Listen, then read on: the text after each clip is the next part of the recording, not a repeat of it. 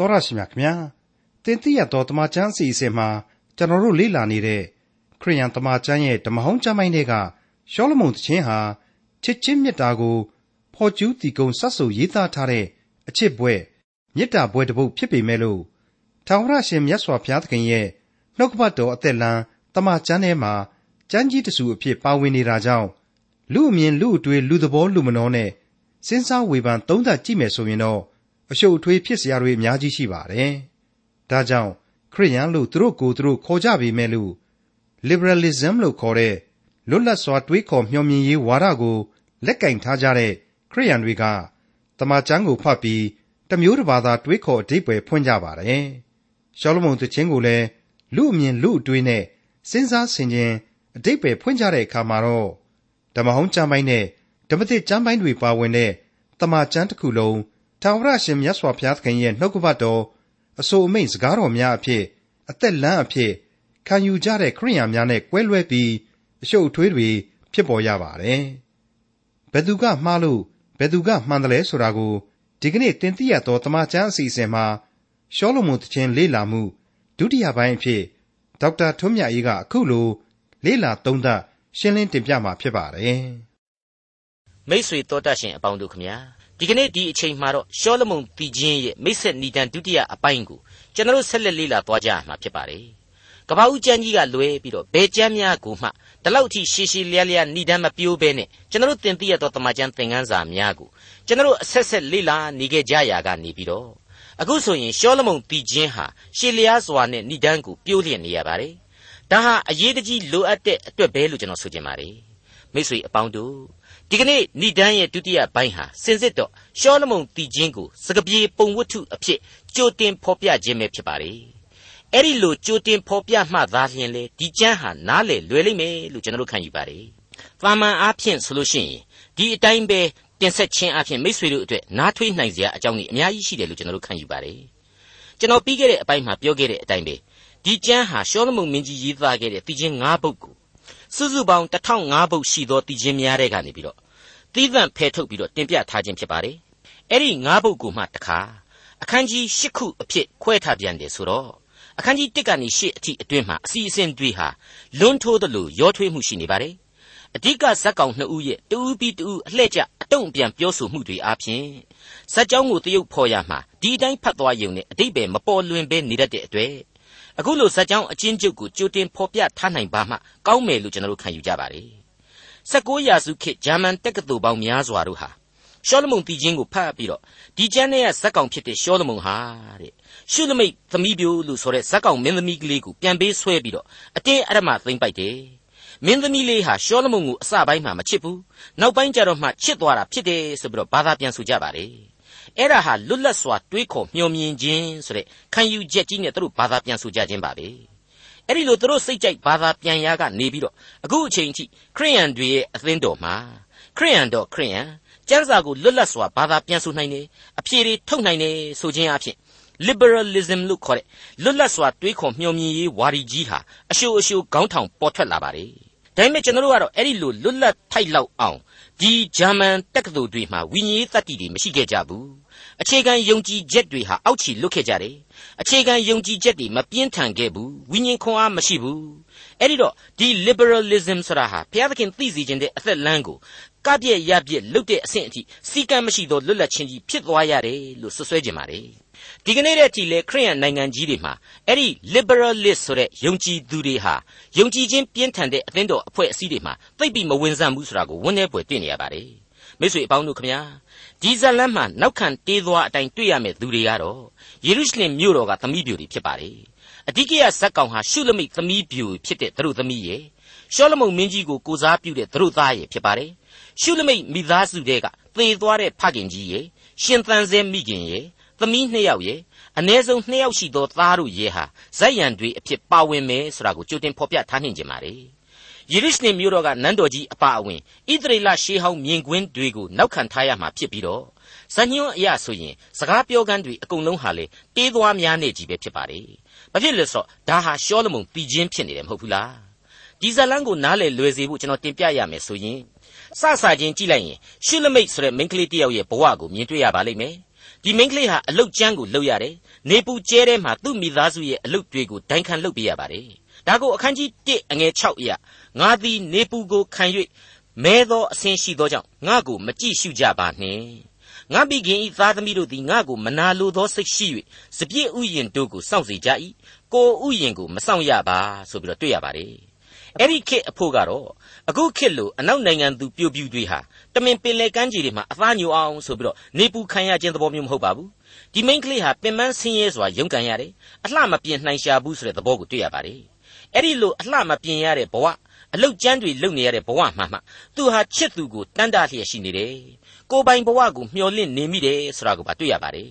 ကိုဥယျင်ကိုမဆောင်ရပါဆိုတာဟာအဲ့ဒီအဓိပ္ပာယ်ပါဒီတော့ ရှုလမိတ်မိန်းကလေးဟာမိဘမျိုးရိုးအဖြစ်မြေယာကိုအရင်ပြုတ်ပြီးတော့လုတ်ကင်စားတော့ရခြင်းဖြစ်လိမ့်မယ်သူတို့ဟာမြေပိုင်းရှင်အဆင့်မဖြစ်နိုင်စင်းရဲသားယာမြေဥယျင်အလုတ်သမားတွေတက်တက်ပဲဖြစ်ရလိမ့်မယ်ဒီသမီးပြိုလေးဟာလေကြံတဲ့ညီကိုမောင်နှမတွေရဲ့ခိုင်းပတ်အဖြစ်နဲ့ပဲအလုတ်ကိုသူများတဲ့ပို့ပြီးတော့လှုပ်ရခြင်းဖြစ်လိမ့်မယ်လို့မြင်ရပါတယ်ဒီတော့စည်ရင်ငှားဆိုတဲ့ဘဝဘောက်လို့လည်းပြောနိုင်တဲ့အညတရကြေးတော်သူကလေးတယောက်ဟာအလွန်ပင်ပန်းဆင်းရဲခဲ့ရှာလိမ့်မယ် အရေးထဲမှာမှသိုးများကိုပါသူ့မောင်တွေကထိမ့်ခိုင်းပြန်လို့သိုးများကိုကြောင်းရပြန်တယ်ဆိုတာကိုပါအခန်းကြီး1အငယ်8အရာဆက်ပြီးတွေးနိုင်ပါတယ်မိမတကာတို့တဲ့အစင်းလှသောအမသင်သည်မသိလျင်သိုးများခြေရာသို့လိုက်သွား၍သိုးတိန်တဲများအနားမှာသင်၏သိုးတငယ်တို့ကိုကျွေးမွေးပါလောဆိုတဲ့အချက်ကိုထောက်ရှုပြီးတော့သိနိုင်ခြင်းပါမိတ်ဆွေအပေါင်းတို့သူကလေးရဲ့ဥယျင်လောက်ကန်ရတဲ့အရက်ဒေသဟာအေဖရင်တောင်ယူဒေသလို့ခံမှန်းရပါတယ် ဒါကိုရှောလမုန်တည်ခြင်းရဲ့ဏိဂုံးနာကပြန်ပြီးတော့အစကောက်ခြင်းအပြင်သိသာစေပါလိမ့်မယ်ရှောလမုန်တည်ခြင်းအခန်းကြီး၈အငယ်၁၁အရာဘာလဟာမုန်ပြည်၌ရှောလမုန်မင်း၏စပြည့်ဥယျင်တော်တဆူရှိ၏ဥယျင်ဆောင်တို့၌ငှားသဖြင့်သူတို့သည်အသီးကိုစားရသည့်အတွက်ငွေတစ်ထောင်စီဆက်ကြရ၏ဆိုပြီးတော့ဖော်ပြထားခြင်းပါမိတ်ဆွေအပေါင်းတို့ခမညာအေဖရင်တောင်ယူဆိုတာဟာစီးရီးယားနိုင်ငံဒမတ်စကတ်ကနေပြီးတော့ယေရုရှလင်မြို့အထိပေါက်တဲ့ရှေးခေတ်လမ်းမကြီးဖြတ်သန်းရအရက်ဖြစ်ခဲ့ပါတယ် အလွန်အလွန်ကြမ်းတမ်းတဲ့တောင်ပေါ်လမ်းဖြစ်ခဲ့ပါတယ်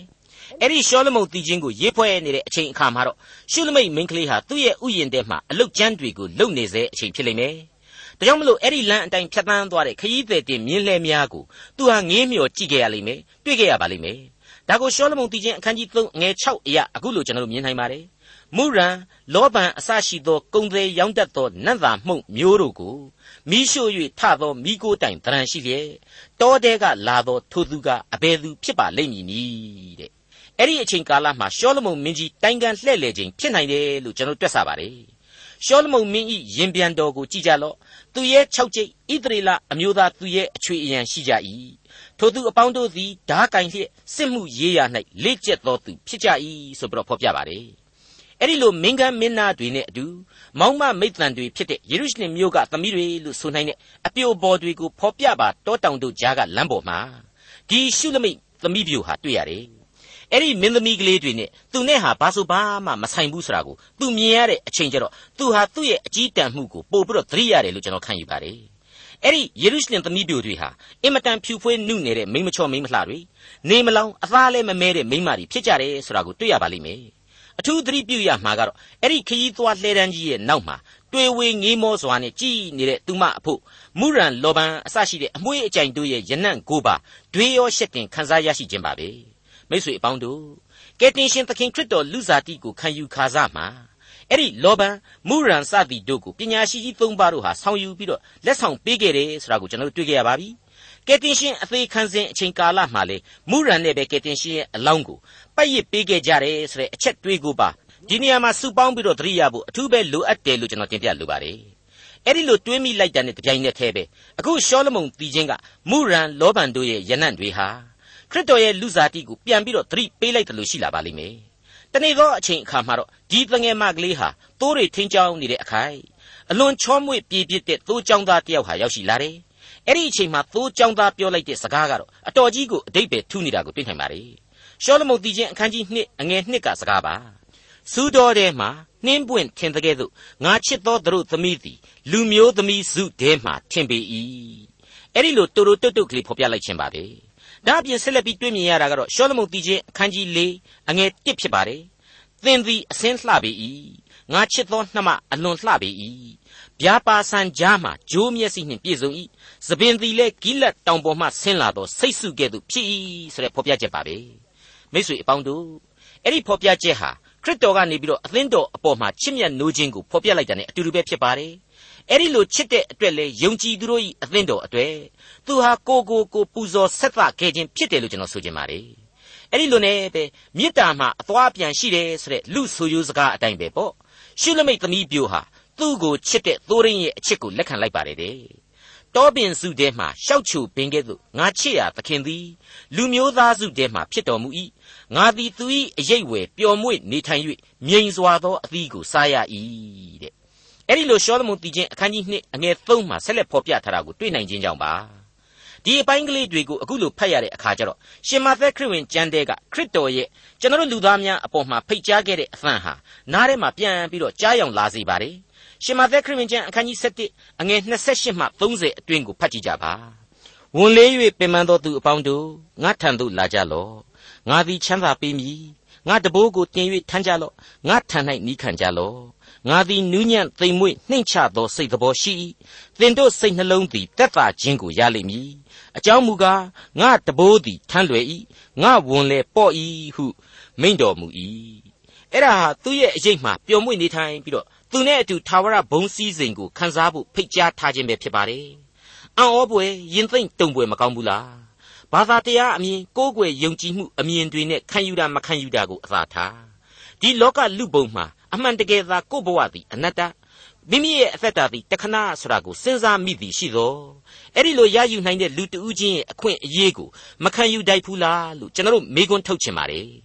တကယ်တော့ လူဘဝဆိုတာဟာဂန္ဓာယဆိုတာကိုလူတွေဟာပြောတတ်ကြပါတယ်အပြောအင်မတန်လွယ်တတ်ကြပါတယ်နေ့မှနေ့မို့လို့ပူတယ်ညအချိန်မှညမို့လို့မချိမဆန်အေးတယ်ဘယ်ဘက်ကမှမသက်သာတဲ့ဂန္ဓာယဘဝပဲဖြစ်ပါတယ်အဲ့ဒီအချိန်မှာသက်သာရသက်သာကြောင်းအနေနဲ့ Oasis ကလေးတစ်ခုကိုတောင့်တမိတယ်ဆိုတာဟာလေမဆန်းကျယ်လှတဲ့လူရဲ့သဘာဝပါပဲအခုကယ်တင်ရှင်သခင်ခရစ်တော်ရဲ့ဖိတ်ခေါ်ခြင်းကတော့ Oasis လို့သောက်ရည်ဂျိုနဲ့စွန်ပလွန်သီးနဲ့နေရိပ်နဲ့တရင်ကခုနာရခြင်းမဟုတ်ပါဘူး ယခုဘဝနောင်ကာလဆိုတဲ့အနန္တကာလဆိုင်ရာကျေးဇူးဂရုနာတော်ပေါ်မှာအခြေခံတဲ့ဖိတ်ခေါ်ခြင်းလို့ကျွန်တော်တို့မြင်နိုင်ပါတယ်မိတ်ဆွေအပေါင်းတို့အဲ့ဒီကယ်တင်ရှင်ပေးသနာတော်မူသောကျေးဇူးတော်ဟာတတ္တလောကတစ်ခုလုံးမှာအကျုံးဝင်နေတဲ့လူဆိုတဲ့တတ္တဝါဝိညာဉ်ရှိသောတတ္တဝါအပေါင်းတို့ရဲ့အခြေခံအခွင့်အရေးဖြစ်တယ်ဆိုတာကိုကျွန်တော်တို့သိနာလေခံယူထားဖို့လိုအပ်လာပါတယ်ဓမ္မတိချင်းအမှတ်စဉ်85မှာဆိုရင်လေ ကယ်တင်ရှင်သခင်ရဲ့ချစ်ချင်းမေတ္တာတော်ဆိုတာဟာအလွန်နည်းနည်းသောအရာဖြစ်တယ်ဆိုတဲ့အကြောင်းကိုအခုလိုတင်စားဖွဲ့ဆိုထားတာကိုမြင်နိုင်ပါတယ်မိတ်ဆွေတို့ကိုတိုင်းရင်သားဘာသာစကားအသီးသီးနဲ့ဒီတီချင်းလေးကိုရှာပြီးတော့ဆိုကြည့်ကြပါအံ့ဩပွေယေရှုကျွန်ုပ်ကိုချစ်သည်ဘယ်ကြောင့်ချစ်သည်ကိုကျွန်ုပ်မပြောနိုင်ဆိုးရုပ်အပြစ်ရှိသောသူများကိုကယ်ရန်လာငါကိုပင်အောင်သောကြောင့်ငါသက်စွန့်မည်အံ့ဩပွေယေရှုကျွန်ုပ်ကိုကယ်သည် အဘယ်သို့ကယ်သည်ကိုကျွန်ုပ်မပြောနိုင်ကျွန်ုပ်ကိုရွေးရန်လာကြောင်းကိုသာသည်စူးဥယျဆောင်းလျက်တိုင်ပေါ်မှသိခံရှာတဲ့ဒီတီချင်းရဲ့တင်စားဖွဲ့ဆိုချက်တွေဟာတခုမှမလွန်ပါဘူးအမှန်တရားတွေကြီးပဲဖြစ်ပါတယ်ကျွန်တော်တို့ကိုသူဟာဖန်ဆင်းပိုင်သားတယ်ကျွန်တော်တို့ဟာသမိုင်းဥမှာပင်လျင်ဇာတိပဂရိအပြစ်တွေဝင်ပြီးတော့စာရမဏတ်ဘက်ကိုရိမ့်ရိုင်သွားမိတယ်ဘာပဲဖြစ်ဖြစ်သူဟာကျွန်တော်တို့ကိုအစဉ်ချစ်တဲ့အတွက်ကြောင့်အသက်တော်ကိုစွန့်ပြီးတော့အပြစ်ကနေရွေးနှုတ်ပေးတယ်စသဖြင့်သူဖော်ပြသလောက်ကိုသာကျွန်တော်တို့ဟာသိပါတယ် အဲ့ဒီအသည့်တရားဟာလေလူသားအဖို့လုံလောက်အောင်သိစေဖို့နှုတ်ကပတ်တော်ကဖော်ပြလို့သာလျှင်ကျွန်တော်တို့သိရခြင်းဖြစ်ပါတယ်ဒီတဲ့ဘာမှကျွန်တော်တို့ပို့ပြီးမသိရတော့ကျွန်တော်တို့ဟာဒီချစ်ချင်းမေတ္တာအပေါ်မှာစံတဝါဝါကြိမ်ဖန်များစွာဖြစ်တတ်တယ်ဆိုတာဟာမငြင်းနိုင်ပါဘူးဒါပေမဲ့မိတ်ဆွေမိတ်ဆွေတို့ကျွန်တော်တို့အနေနဲ့တယောက်ကိုတယောက်ခင်မင်ရင်းနှီးဖို့တယောက်ကိုတယောက်အကဲခတ်တာမျိုးဘုရားသခင်ကိုအကဲခတ်လို့အကဲခတ်ဖို့လိုပါသလားမလိုပါဘူး သူပေးတဲ့ချစ်ချင်းမေတ္တာတော်ကိုခံယူသူပြုတော်မူတဲ့ကယ်တင်ရှင်ယေရှုကိုလက်ခံဖို့သာလျှင်ကိုယ့်ဘက်ကအလုတ်သင့်ဆုံးသောအလုတ်ဖြစ်တယ်ဆိုတာကိုကျွန်တော်ဒီနေရာမှာထပ်မံတင်ပြလိုပါတယ်မိတ်ဆွေအပေါင်းတို့အခုချိန်မှာတော့ရှောလမုန်ရဲ့အချစ်ပုံပြင်ကိုဆက်လက်လေ့လာခြင်းအပြင်သခင်နှင့်အသင်းတော်အသင်းတော်နှင့်သခင်တို့၏ချစ်ချင်းအကြောင်းကိုဆက်ကြပါအောင်စို့ရှုလမိတ်နဲ့ရှောလမုန်တို့ဟာအခုအချိန်မှာချစ်သွားကြပြီဒီအချစ်ဟာအလွန်ပြင်းထန်တဲ့အချစ်ပူလောင်တဲ့လူသားသဘာဝရဲ့အချစ်ဖြစ်ပါတယ် ရှောလမုန်တည်ခြင်းရဲ့အခန်းကြီး2အငယ်16မှာအခုလိုတွေ့ရပါတယ်ငါချစ်ရသခင်ကိုငါဆိုင်ပေ၏ငါကိုလည်းသခင်ဆိုင်ပေ၏တဲ့ဆိုင်သာဆိုင်နေမပိုင်ဘူးဆိုတဲ့မြန်မာစကားရှိပါတယ်စကားနောက်မှာတရားပါပြီးတော့များသွားလေသလားလို့ကျွန်တော်တွေးမိပါတယ်အင်္ဂလိပ်က my beloved is mine and i am his လို့ဆိုထားတော့တကယ်ဆိုရင်ပိုင်တယ်လို့လည်းပြောနိုင်တာပါပဲဒါပေမဲ့ဆရာကြီးယူရသန်ကတော့ငါချစ်ရာသခင်ကိုငါဆိုင်ပေ၏ငါကိုလည်းသခင်ဆိုင်ပေ၏တဲ့ အဲ့လိုပြန်ဆိုလိုက်ပါတယ်အဲ့ဒီမှာရင်ပြောခဲ့တဲ့အတိုင်းဆိုင်သာဆိုင်နေမပိုင်တဲ့ရှုထောင့်ကနေစဉ်းစားသင့်တယ်ဆိုတဲ့အချက်ဟာပေါ်လာပါတယ်မိတ်ဆွေအသင်းတော်ကိုခရစ်တော်ဟာအလွန်နက်နဲသောကယ်တင်တော်မူခြင်းအဖြစ်ရွေးကောက်တာမှန်တယ်အသင်းတော်ရဲ့ဥကောင်းဟာခရစ်တော်ဖြစ်တယ်အသင်းတော်ဟာခြေထောက်နှစ်ချောင်းနဲ့မြေပေါ်မှာတည်နေရတယ်မြေသားတို့ရဲ့တာဝန်တွေကိုကြည်တွင်ရတယ်မြေပေါ်မှာခရစ်တော်ရဲ့အမှုတော်ကိုထမ်းဆောင်ရင်းနဲ့ဘုန်းတော်ကိုထင်ရှားစေရမယ်ဆိုတာဒီကိုကျွန်တော်အေဖက်ဩဝါဒစာဂလာတိဩဝါဒစာတို့အားဖြင့်သိကြရပြီးပါပြီ အားတက်တရောရှိလိုက်တာလို့ကျွန်တော်တွေးမိပါတယ်ဒါပေမဲ့အဲ့ဒီမြေပေါ်ကအဖွဲအစည်းဟာမြေပေါ်မှာချီချထားတဲ့ဆိုကြတဲ့ကအချိန်မရွေးဖောက်ပြန်နိုင်တယ်လမ်းလွဲနိုင်တယ်သစ္စာယွင်းပြက်နိုင်တယ်ဆိုတာကိုအင်မတန်သတိထားဖို့ဒီနေရာမှာအသိဝင်လာစေပါတယ်ဟုတ်ပါတယ်ဒါကြောင့်မလို့ငါချစ်ရသခင်ကိုငါဆိုင်ပေ၏ငါကိုလည်းသခင်ဆိုင်ပေ၏တဲ့ဆိုင်သာဆိုင်တယ်နော်မပိုင်သေးဘူးဟုတ်ပါတယ်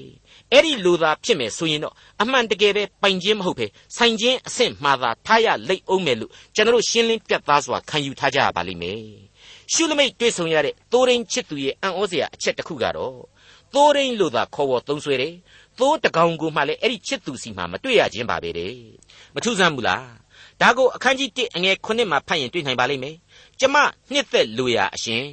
ကိုတော်သည်သိုးများကိုအဘယ်မှထိမ့်တော်မူသည်ကို၎င်းမွန်းတဲ့အချိန်မှအဘယ်မှအရေးခိုးစေတော်မူသည်ကို၎င်းပြတော်မူပါကျမသည်အခြားတစ်ပါးသောသိုးရင်းနောက်သို့အဘယ်ကြောင့်လမ်းလွဲ၍လိုက်ရပါအံ့နည်းကဲဒီတော့သိုးရင်းကြီးဆိုပေမဲ့သူ့ချစ်သူဟာထူးခြားသောသိုးရင်းကျွန်တော်မြေကဘာကသိုးရင်းတို့နဲ့မတူတဲ့သိုးရင်းဖြစ်နေပြီပေါ့ နောက်ထပ်အလွန်ထူးခြားနေပြန်တာကတော့အဲ့ဒီလိုသိုးတို့ကိုမတွေ့မြင်နိုင်တဲ့ဒီသိုးရင်းကြီးဟာကြီးကျယ်တဲ့ပုံကိုယ်ကြီးဖြစ်နေပြန်တယ်ဆိုတာကိုတွေ့ရခြင်းပါပဲမှန်ပါတယ်ပွဲခံရအိမ်သို့ငါ့ကိုဆောင်းသွား၍မေတ္တာတော်အလံကိုငါအပေါ်မှာမိုးတော်မူပြီဆိုပြီးတော့ပြောလိုက်တာကိုအခန်းကြီးနှစ်အငယ်၄မှာတွေ့ရခြင်းအဖြစ်အဲ့ဒီသိုးရင်းလို့ပြောပြီးတော့သိုးလည်းမတွေ့ရတဲ့သိုးရင်းကြီးဟာပွဲခံရအိမ်ကိုသူ့ကိုဆောင်းသွားတယ်မေတ္တာတော်အလံကိုလည်းသူ့ချစ်သူအပေါ်မှာမိုးတော်မူတယ်ဆိုတဲ့ အံ့ဩပွေသောသိုးရင်းကြီးရဲ့လက္ခဏာတွေနဲ့ပြည့်စုံနေတယ်ဆိုတာကိုတွေ့ရပါပြီမိတ်ဆွေအပေါင်းတို့အဲ့ဒီလိုသူတို့မောင်နှံတွေဟာချစ်ချင်းမြတ်တာနဲ့ပေါင်းဆက်နေရကနေပြီးတော့သိုးရင်းကြီးဟာခရီးထွက်သွားရတဲ့လက္ခဏာကိုဆက်ပြီးတွေ့နိုင်ပါတယ်ငါဝိညာဉ်ကိုချစ်သောသူကိုညအခါအိယာဘောမှာငါရှာ၏ရှာတော်လဲမတွေ့ဆိုပြီးတော့ရှုလမိတ်သမီးပြူကနေပြောလိုက်ခြင်းဖြစ်ပါတယ်အခန်းကြီး3အငယ်1မှာဖော်ပြထားခြင်းဖြစ်ပါတယ်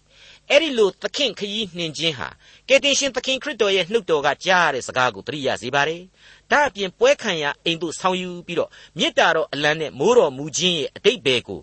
ဆက်လက်ပြီးတော့တိကျွမ်းနားလည်လာစေပါတယ်။ရှင်ယောဟန်ခရစ်ဝင်ကျမ်းအခန်းကြီး14အငယ်1ကနေ3ကိုကြည်ပါ။တဖန်တုံယေရှုကသင်တို့စိတ်နှလုံးပူပန်ခြင်းမရှိစေနှင့်။ဖျားသခင်ကိုယုံကြည်ကြလော့။ငါကိုလည်းယုံကြည်ကြလော့။ငါအဖအီအိမ်တော်၌နေစရာအခန်းများစွာရှိ၏ နေစရာအခန်းအများရှိ၏သို့မဟုတ်ရင်မဟုတ်ကြောင်းကိုသင်တို့အားငါမပြောဘဲမနေသင်တို့နေစရာအရက်ကိုပြင်ဆင်ခြင်းဟာငါသွားရ၏ငါသည်သွား၍သင်တို့နေစရာအရက်ကိုပြင်ဆင်ပြီးမှတဖန်လာပြန်၍ငါရှိရာအရက်၌သင်တို့ရှိစေခြင်းဟာသင်တို့ကိုငါထံသို့သိမ်းဆည်းမည်ငါသည်အဘယ်အရက်သို့သွားသည်ကို၎င်းလမ်းခရီးကို၎င်းသင်တို့သိကြ၏ဟုမိန့်တော်မူ၏အဲ့ဒီလိုတွေ့ရခြင်းဖြစ်ပါတယ် အဲ့ဒီအချိန်ကာလမှာတော့ရှုလမိတ်သမီးပြူရဲ့ဘဝဟာသနာစရာမျက်နှာငယ်စရာဖြစ်ခဲ့ပါလေပြဿတ်သဘောအရမေကုမျောဆိုတဲ့တေးကိုဆိုရမလို့အခြေအနေလို့ဆိုနိုင်ပါလိမ့်မယ်အဲ့ဒီအချိန်အခါသမယမှာပဝန်းကျင်ကဆွေမျိုးတွေအတိုင်းဝိုင်းတွေဟာမိန်းကလေးကိုဝိုင်းပြီးတော့အတင်းပြောကြမှာအမှန်ပဲကြည်စမ်းဒင်းချစ်သူသိုးရင်းဟာဒင်းကိုမျက်ရည်နဲ့မျက်ခွက်နဲ့ထားခဲ့ပြီသူကသူအထင်ကြီးတဲ့ကောင်မအခုတော့ဒုက္ခရောက်ပြီစသဖြင့်စသဖြင့်ပေါ့အခုကျွန်တော်တို့မြန်မာပြဿတ်တွေရုပ်ရှင်တွေမှာတွေ့ရတဲ့အတိုင်းပဲပေါ့အဲ့တော့ သူ့သခင်ကိုအဟုတ်မှတ်ပြီးတော့အားကိုးလိုက်ရတဲ့မိမ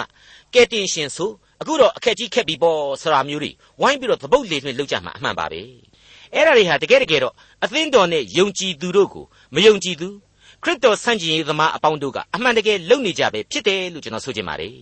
ဒါတွေဟာယုံကြည်သူတို့အတွက်အားငယ်စရာမဟုတ်တဲ့အပြင်အခုရှောလမုန်တီချင်းကဖော်ပြလိုက်တဲ့စိတ်အားငယ်စရာအချိန်ကာလဟာယုံကြည်ခြင်းအပြင်ပို့ပြီးတော့ခွန်အားပေးစွန်းရာကာလလို့တောင်ဆိုရမယ့်အချိန်ကာလဖြစ်ရပါလိမ့်မယ် ဒါကိုရှင်ပေတရုဩဝါဒစာဒုတိယစာဆောင်အခန်းကြီး3အငယ်1ကနေ4အတွင်းမှာကျွန်တော်တို့အခုလိုလေ့လာနိုင်ပါတယ်ချစ်သူတို့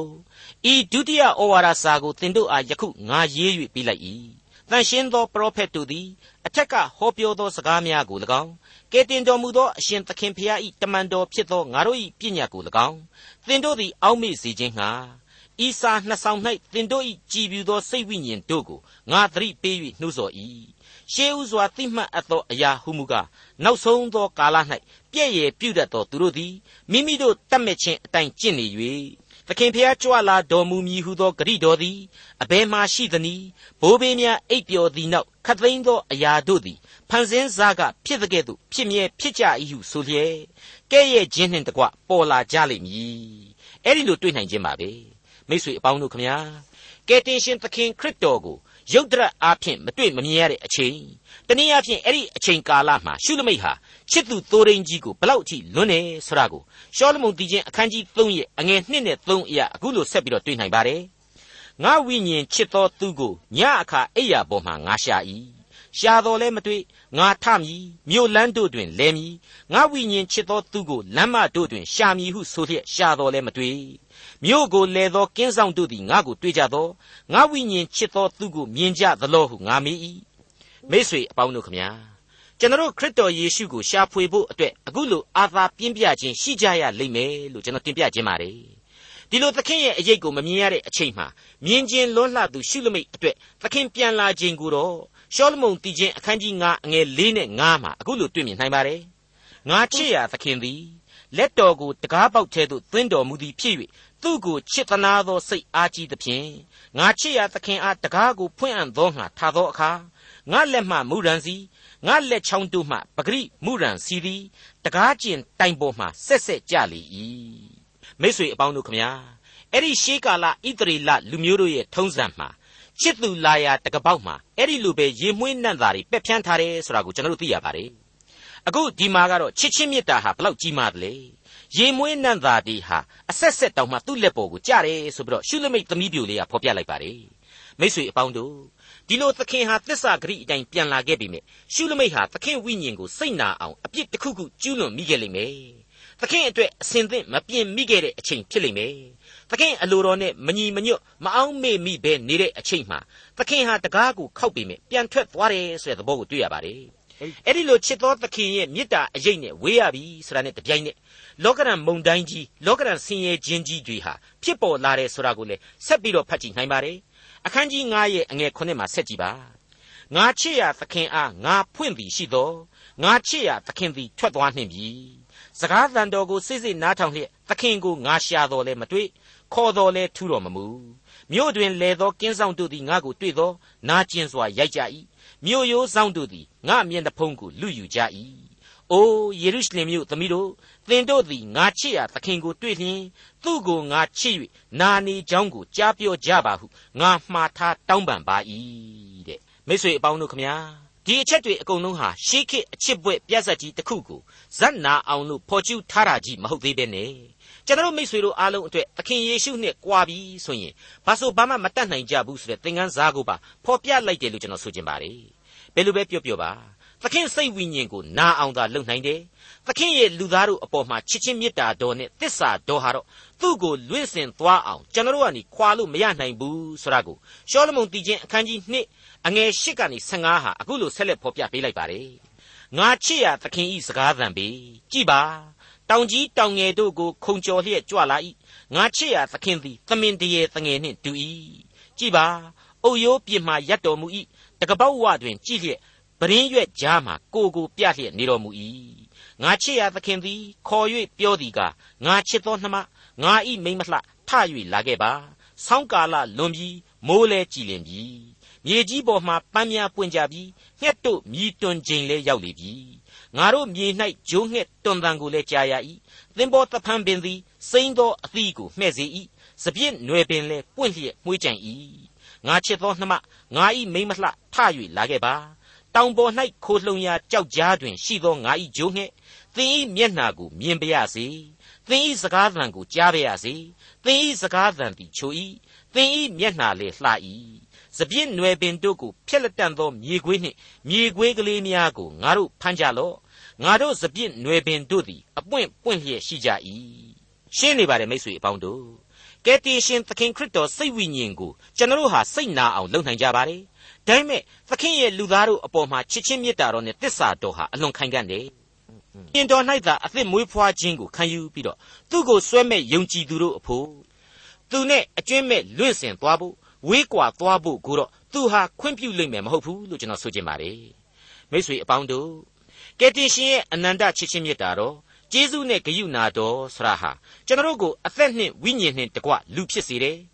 တည်ရှိစေအသက်ဝိညာဉ်ကိုမရဏနိုင်ငံရဲ့သေခြင်းဆင်းရဲတဲ့ကရွေးနှုတ်ပြီးတော့သူနဲ့အတူဘုံတော်ဝင်စားစေတဲ့အထိပြုစုတော်မူသောမေတ္တာတော်ဖြစ်တယ်ဆိုတာကိုရှောလမုန်တည်ခြင်းရဲ့ပုံပြင်အချင်းကျုပ်ဟာရှင်းလင်းပြသစွာဖော်ပြပေးလျက်ရှိနေပါတယ်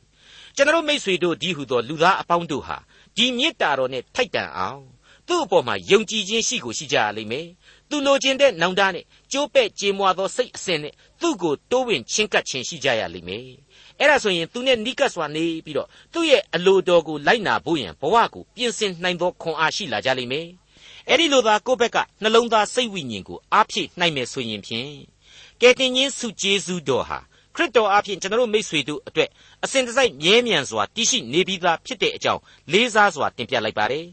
ငါချစ်ရာသခင်သည်ဖြူသောအဆင်း၊နီသောအဆင်းနှင့်ပြည့်စုံ၍လူတစ်သောင်းတို့တွင်အထွတ်အမြတ်ဖြစ်တော်မူ၏။ဥကောင်းတော်သည်ရွှေစင်နှင့်တူ၏။သပင်တော်သည်ထူထပ်၍ကြီးအအဆင်းကဲ့သို့နေ၏။မျက်စိတော်တို့သည်နို့၌ချိုးလျက်မြည်ရည်ပေါ်မှပုံပုံကြွကြွဝတ်သောဂျိုးနှင့်တူကြ၏။ပါးတော်တို့သည်နံ့သာတော်မှုေးကြိုင်သောပန်းတော်ကဲ့သို့၎င်း နှခမ်းတော်တို့သည်ပဂရိမူရန်စီယိုသောနှင်းပွင့်ကဲ့သို့၎င်းဖြစ်ကြ၏